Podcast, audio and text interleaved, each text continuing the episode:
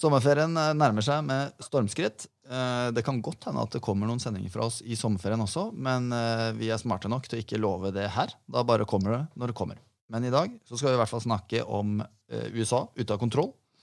Og vi skal snakke om en markedsoptimisme som er helt avhengig av netto politikerpessimisme.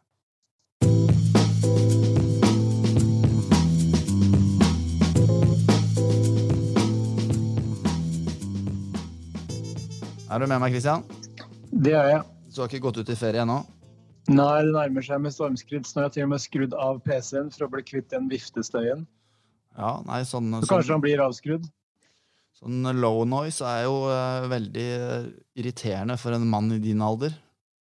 Ja, det er det. Spesielt med litt sånn uh, tinnitus og sånne problemer òg, så blir det bare forsterka. ja, det er ikke bra. Hva er siste nytt på smittefronten? Ja, Det siste er jo egentlig en veldig uheldig utvikling i USA, som jeg vil tro de aller, aller fleste har fått med seg. Og vi har nå, Det er vel andre dagen på rad at det har vært eh, mer enn 50 000 nye eh, smittetilfeller eh, per dag. Altså de siste to, onsdag og torsdag. Og dette skyldes ikke bare, som Trump sier, eh, økt eh, testevirksomhet, men det skyldes rett og slett at en stadig større andel av de som faktisk testes, de tester eh, positivt. Og det gir jo utslag i at stadig flere av sykehusene begynner å nå sine kapasitetsbegrensninger, ikke minst i, i Texas, i Houston eksempelvis. Og man ser også stadig flere nyhetsreportasjer om mangel på testekapasitet, faktisk, selv om Trump skryter av det og ikke minst mangel på eh, beskyttelsesutstyr for eh, sykehusene. Og dette var jo noe eh, man så var et problem under den første bølgen, selv om dette egentlig er en forlengelse av den første bølgen. Og det har fortsatt ikke blitt løst. Nei. Men, men bare, Du har sikkert flere mer ting du skal si rundt det, men jeg har to ting i hvert fall som jeg vil ta opp. og Det som kanskje har forandra seg mest siden vi hadde sending sist, det er smittetallene i Brasil som jo har løfta seg helt vanvittig mye. Nå er det oppe i nesten 1,5 million tilfeller. Eh, og det andre er at jeg lurte på om du har noe nytt fra Remdesivir.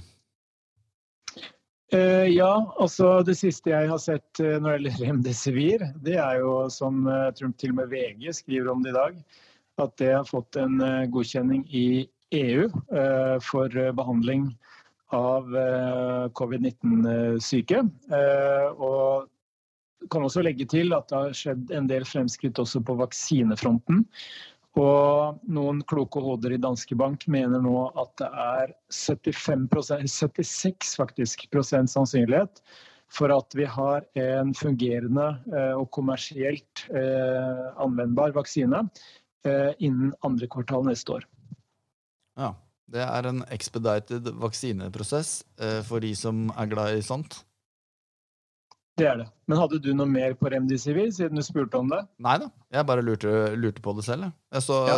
jeg så, det, jeg vet ikke hvilket tabloid eh, nettidsskrift jeg så det på, men der var det i hvert fall noe prat om at USA på en måte hadde kjøpt opp det som var å gå an å få tak i av det. Ja, det er riktig. Og det betyr jo at for eh, de andre landene i verden så står jo de da i prinsippet uten eh, tilgang på, på det de neste to-tre månedene, etter det jeg forstår. Så det er kanskje litt typisk amerikansk i disse dager. Eh, men bortsett fra det, så er vi inne på dette med Brasil også. At situasjonen i mange av disse fremvoksende økonomiene som vi har vært inne på tidligere, den fortsetter også å være veldig veldig vanskelig. Og eksempelvis i India så er det jo en økning i antall dødsfall per dag. Men det som også er et kjennetegn ved India, er jo at det er litt sånn mangelfullt uh, utviklede statistikksystemer i tillegg til helsesystemer. og Det betyr at man tror at det er i realiteten langt flere som dør av covid-19 i India enn det som faktisk rapporteres. Så det kan jo også være tilfellet flere andre steder. 18 200 rapportert i India for øvrig. og... 61 um, 800 i Brasil, og de tallene er nok greit å ta med en klype salt. Ja. Eh, men, men, det som eh, også er positivt, det er at Europa ser så langt ut til å ha rimelig god kontroll. Eh, med eksempelvis denne, dette R-tallet Tyskland, som holder seg under én. Og også i de nordiske landene, kanskje nok en gang med unntak av Sverige, som fortsatt har problemer i enkelte deler av landet, så ser det jo fortsatt veldig veldig bra ut i, i Norge, i, i, Danmark eksempelvis. Og det må vi jo ta med oss som en fjær i hatten så langt for de tiltakene som ble gjennomført, og den eh, oppførselen og atferden som befolkningen ellers har så langt. Helt klart. Skal vi bevege oss over til markedet, Kristian? Det kan vi gjøre.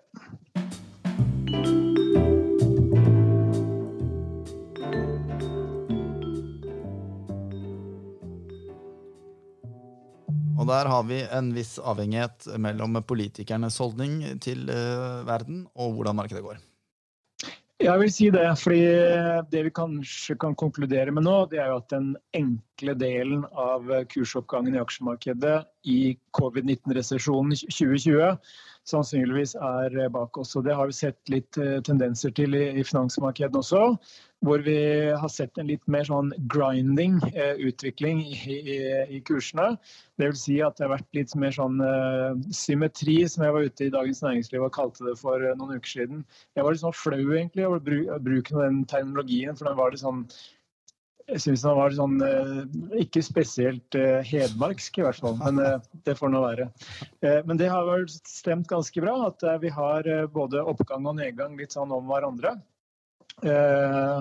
Og, det virker som om denne oppblussingen av smitten, da, spesielt i USA, skremmer eh, i hvert fall noen investorer. Men likevel, hvis vi ser på de siste fem dagene, da, så har det vært en, en ganske god utvikling i, i, i, børsene generelt. Hvis vi ser på Oslo Børs, så er den opp eh, drøye 1 eh, før dagens handel. Eh, siste fem dager, mens eh, banksektoren i Europa, som vi vet har vært en av de mest utbombede eh, sektoren, faktisk har steget 3% de siste tre dagene. Oljeprisen også opp da rundt 5 de siste fem handelsdagene. Så ting har gått i riktig retning, men du har ikke på langt nær samme, det samme momentet som man hadde i april og, og deler av mai. Og der kommer vi egentlig litt inn på det du nevner, eh, nemlig at denne det, for, for, fortsatt netto optimisme i finansmarkedene, den er fullstendig avhengig av en netto pessimisme blant politikerne. Fordi det er ingen tvil om at uh, veksten i økonomien har bedret seg kraftig uh, de siste uh, ukene og, og gjennom juni. de tallene vi har fått i det siste har bare vært helt sinnssykt bra, egentlig. Og I forhold til analytikernes konsensusforventning, så er jo de amerikanske nøkkeltallene eh, aldri vært så gode relativt til forventningene som nå. Og Det har vi sett i arbeidsmarkedsrapporten som vi fikk eh, i går, eh, hvor det ble skapt var det 4,8 millioner nye arbeidsplasser. Arbeidsledighetsraten falt til eh, drøye 11% som fortsatt er ganske høyt, riktignok. Vi har fått eh, den eh, største måned, eller beste månedlige endringen i ISM-indeksen i USA på var det noensinne. Jeg husker ikke helt, men i hvert fall veldig veldig lenge siden den har steget så mye fra en måned til en annen. Og vi har også fått eh, gjennomgående veldig hyggelige PMI-tall eh, fra Kina. Hvor eksempelvis eh, denne servicesektor-PMI-en som vi fikk nå i, i, dag, eller var det i, i, i, natt, steg til høyeste nivå på ti år. Så det er ingen tvil om at ting har gått i riktig retning. Makrotallene har vært med på å løfte kursene i hvert fall litt gjennom de siste ukene. Men det vi tror er at eh, den vekstakselerasjonen sannsynligvis har nådd toppen allerede. Og da er spørsmålet, Kristian mm? Eller da er 48 000 kroner spørsmålet 64 000, eller hva det heter, kvitt eller dobbelt. Eh, hva må til da for å beholde den politikerpessimismen som vi faktisk trenger? Jo, eh, og det er jo da sannsynligvis eh, politikerpessimisme som du er inne på. Nemlig at eh, sentralbanker og politikere de har et mindre optimistisk syn på vekstutsiktene enn det finansmarkedsaktørene kanskje har. Og i hvert fall det som reflekteres i, aksjekursene. Fordi hvis vi ser at uh, veksttakten, altså momentet i uh, den økonomiske bedringen, begynner å avta litt fremover, at den lettjente delen av oppgangen er bak oss, og ikke minst med tanke på USA, der vi ser at viruset blusser opp, vi ser at bare restauranter virksomheter, Apple-butikker osv. stenger ned igjen, så er det ingen tvil om at den arbeidsmarkedsrapporten som vi får for juli, altså når vi bikker inn i august, den kommer sannsynligvis til å se langt mindre hyggelig ut enn den vi fikk i går. Og det er jo litt av, eh, altså litt av grunnen til det er jo at den arbeidsmarkedsrapporten som vi fikk i går, den er jo da basert på tall til og med midten av eh, juni. Og det var jo i midten av juni at man begynte å se en virkelig eskalering i oppblussingen. Og man etter hvert begynte å se at uh, stadig flere virksomheter måtte stenge ned igjen aktiviteten. Og ikke minst så bidrar dette her til at folk eh, i USA, i de mest eh, rammede delstatene, de vil jo frivillig begynne å være mer forsiktige og kanskje dempe sin økonomiske eh, aktivitet, slik vi så i mars og april. Og det kan bety at arbeidsmarkedet og økonomien generelt vil få seg en ny nesestyver, som det heter i, i denne perioden vi er inne i nå. Så det man da trenger, som du spør om, det er jo at eh, sentralbankene beholder, og, politikerne også, beholder et relativt pessimistisk syn på hvordan økonomien kommer til å utvikle seg, og at det kommer til å ta lang tid før vi får en økonomisk eh, normalisering. Og slik vi ser det også, så kommer vi til å komme langt inn i 2021. Eh, sannsynligvis inn i andre kvartal, tredje kvartal neste år, før amerikansk økonomi er tilbake der den var før krisen. Alt dette her borger for at vi kommer til å få flere stimulanser. Vi kommer til å få eh, mer pengetrykking. Vi kommer til å få enda flere eh, direkte, eh, eh direkte støtte fra politikerne til husholdninger og til bedrifter. Og det kan være det som bidrar til å opprettholde en viss stabilitet i, i finansmarkedene fremover, slik at vi ikke får denne eh, nye trøkken nedover. Ja. Du trenger ikke å bekymre deg for ikke høre hedmarsk nok eh, ut, Kristian, når du bruker ord som 'borger for'. Da henter du deg fint inn igjen, rett tilbake til Hamar. Det er bra. Ja. Eh, så jeg vil bare kort, eh, hvis jeg får lov til det, eh, argumentere for fortsatt hvorfor vi tror aksjemarkedet kommer til å stå høyere om tolv måneder frem i dag. Og det er ikke så lenge, mange minuttene siden jeg var med i et eh, nordisk forum for strateger, altså likesinnede som meg. Og jeg tror aldri jeg har uttrykt meg så positivt i forhold til aksjemarkedet som nå. Og det, og det er ikke nødvendigvis på kort sikt. Eh, men jeg tenker at i løpet av neste tolv månedene så er det ganske mye som skal gå feil for at aksjemarkedet ikke skal fortsette med en viss eh, positiv eh, oppdrift. Og altså argumentene mine er jo egentlig for det første at 70% av alle tolvmånedersperioder i aksjemarkedet historisk har vært positive. Det er en sånn grunnleggende positiv drift. Men jeg tror også at selv om man nå får en oppblussing av smitten i USA, så vil sjokkeffekten til økonomien og finansmarkedene være langt, langt mindre enn det den var i, i mars-april, eh, og det har vi allerede sett eh, tegn til. Vi tror også, eller jeg tror, at det er så ekstrem interesse for aksjemarkedet i øyeblikket. Og vi vet at veldig mange profesjonelle, institusjonelle investorer de ble caught wrong-footed, som vi sier også her lokalt når kursene begynte å stige i mars. Og de har ikke fått den aksjeallokeringen som de kanskje skulle ønske at de hadde. Og det betyr at skulle vi få en ny dipp f.eks. i kursene, så vil det være ganske mye penger som beveger seg inn igjen i markedet, som ønsker å posisjonere seg igjen. Så jeg tror at den neste nedturen, enten stor eller liten, den vil bli kjøpt opp ganske raskt. Enten av institusjonelle investorer og eller av disse private retail-gærningene. Eh, det neste er at vi ser en bedring i forventningene til eh, selskapsinntjeningen. Disse revideringsratene som vi følger mye med på, de har eh, snudd. De er fortsatt på lave nivåer, men de har begynt å stige. og Det har historisk vært et positivt tegn for aksjer. Og det siste, dette med prising av aksjer. Eh, der har vi jo snakket mye om at aksjer har blitt eh, dyre basert på forventet inntjening neste tolv måneder. Men det som ikke er et helt urealistisk scenario fremover, det er at vi får et marked som er litt sånn rangebound. range-bound. Det er vel også et Hamar-begrep, er det ikke det? det Jo, jo, jo. jeg mener det. Klart. Eh, mens inntjeningsforventningene kommer seg noe bedre oppover, i hvert fall eh, innen deler av, av eh, sånn sektormessig i aksjemarkedet. Og Det kan bety at vi ser litt den samme tendensen som vi så i perioden 2003 til 2007, nemlig at eh, aksjekursene stiger.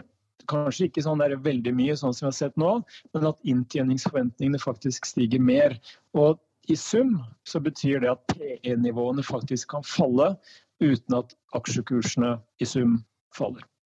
Så Det er egentlig de viktigste argumentene for at vi fortsatt har en liten overvekt i aksjer i våre porteføljer.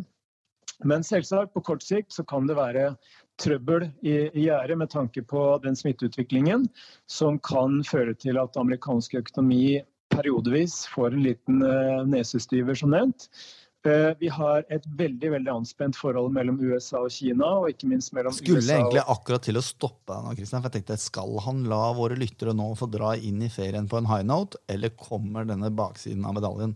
Men Ja da, nå, men, nå har eh, du begynt, så nå får den komme. Altså, det- dette med at eh, all bull markets climb a wall of worry, det er jo en kjensgjerning. Det er sjelden slik at aksjekursene stiger, eller vi har et finansmarked som ikke er befengt med en del uromomenter. Eh, Men når jeg nevner disse uromomentene, så er jo det egentlig for å forberede lytterne og kundene våre på at ting kan bli rufsete. Eh, og det er jo slik aksjemarkedet normalt skal være. Men tar man med også økt fokus på valg i USA, hvor vi vet at Biden ligger an til å bli president, vi vet at eh, demokratene ligger an til å ha kontrollen ikke bare over Representantenes hus, men også over Senatet, så kan det bety litt økt eh, skepsis i forhold til potensielle skatteøkninger, økt regulering av teknologisektoren osv. Men eh, på sikt så tror vi likevel at eh, de positive tingene som er nevnt, for å avslutte med det, de vil veie tyngre enn disse kortsiktige eh, fartsdumpene. Ok, jeg tar den. Det er bra nok, faktisk. Har du noe du ønsker å plugge før vi går inn i ferien? Eh, nei, jeg tror ikke det. Ja, da plugger vi bare Christian på Twitter. At liechr på Twitter, så kan dere følge det Christian deler der. Og jeg kjenner han rett, så kommer det til å bli delt en del ting i ferien selv om det er ferie. Eh, og som jeg også sa i innledningen, så kommer vi antageligvis også til å gjøre noen episoder i løpet av sommeren. Eller kan hende vi gjør det, i hvert fall. Slik at ikke eh, dere savner oss for mye. Jeg Jeg vil tro at uh, nye episoder i løpet av sommeren vil være avhengig av uh, større hendelser i, i politikken eller økonomien eller markedene som vi syns det er greit å kommentere på. Helt klart. Vet du hva? Da gjenstår det egentlig bare å ønske deg en eh, god sommer, Kristian. Jo, takk du- det samme. Jeg vet du går ut i ferie du òg. Ja, jeg håper du blir i landet, i hvert fall. Det er tryggest. Det skal jeg.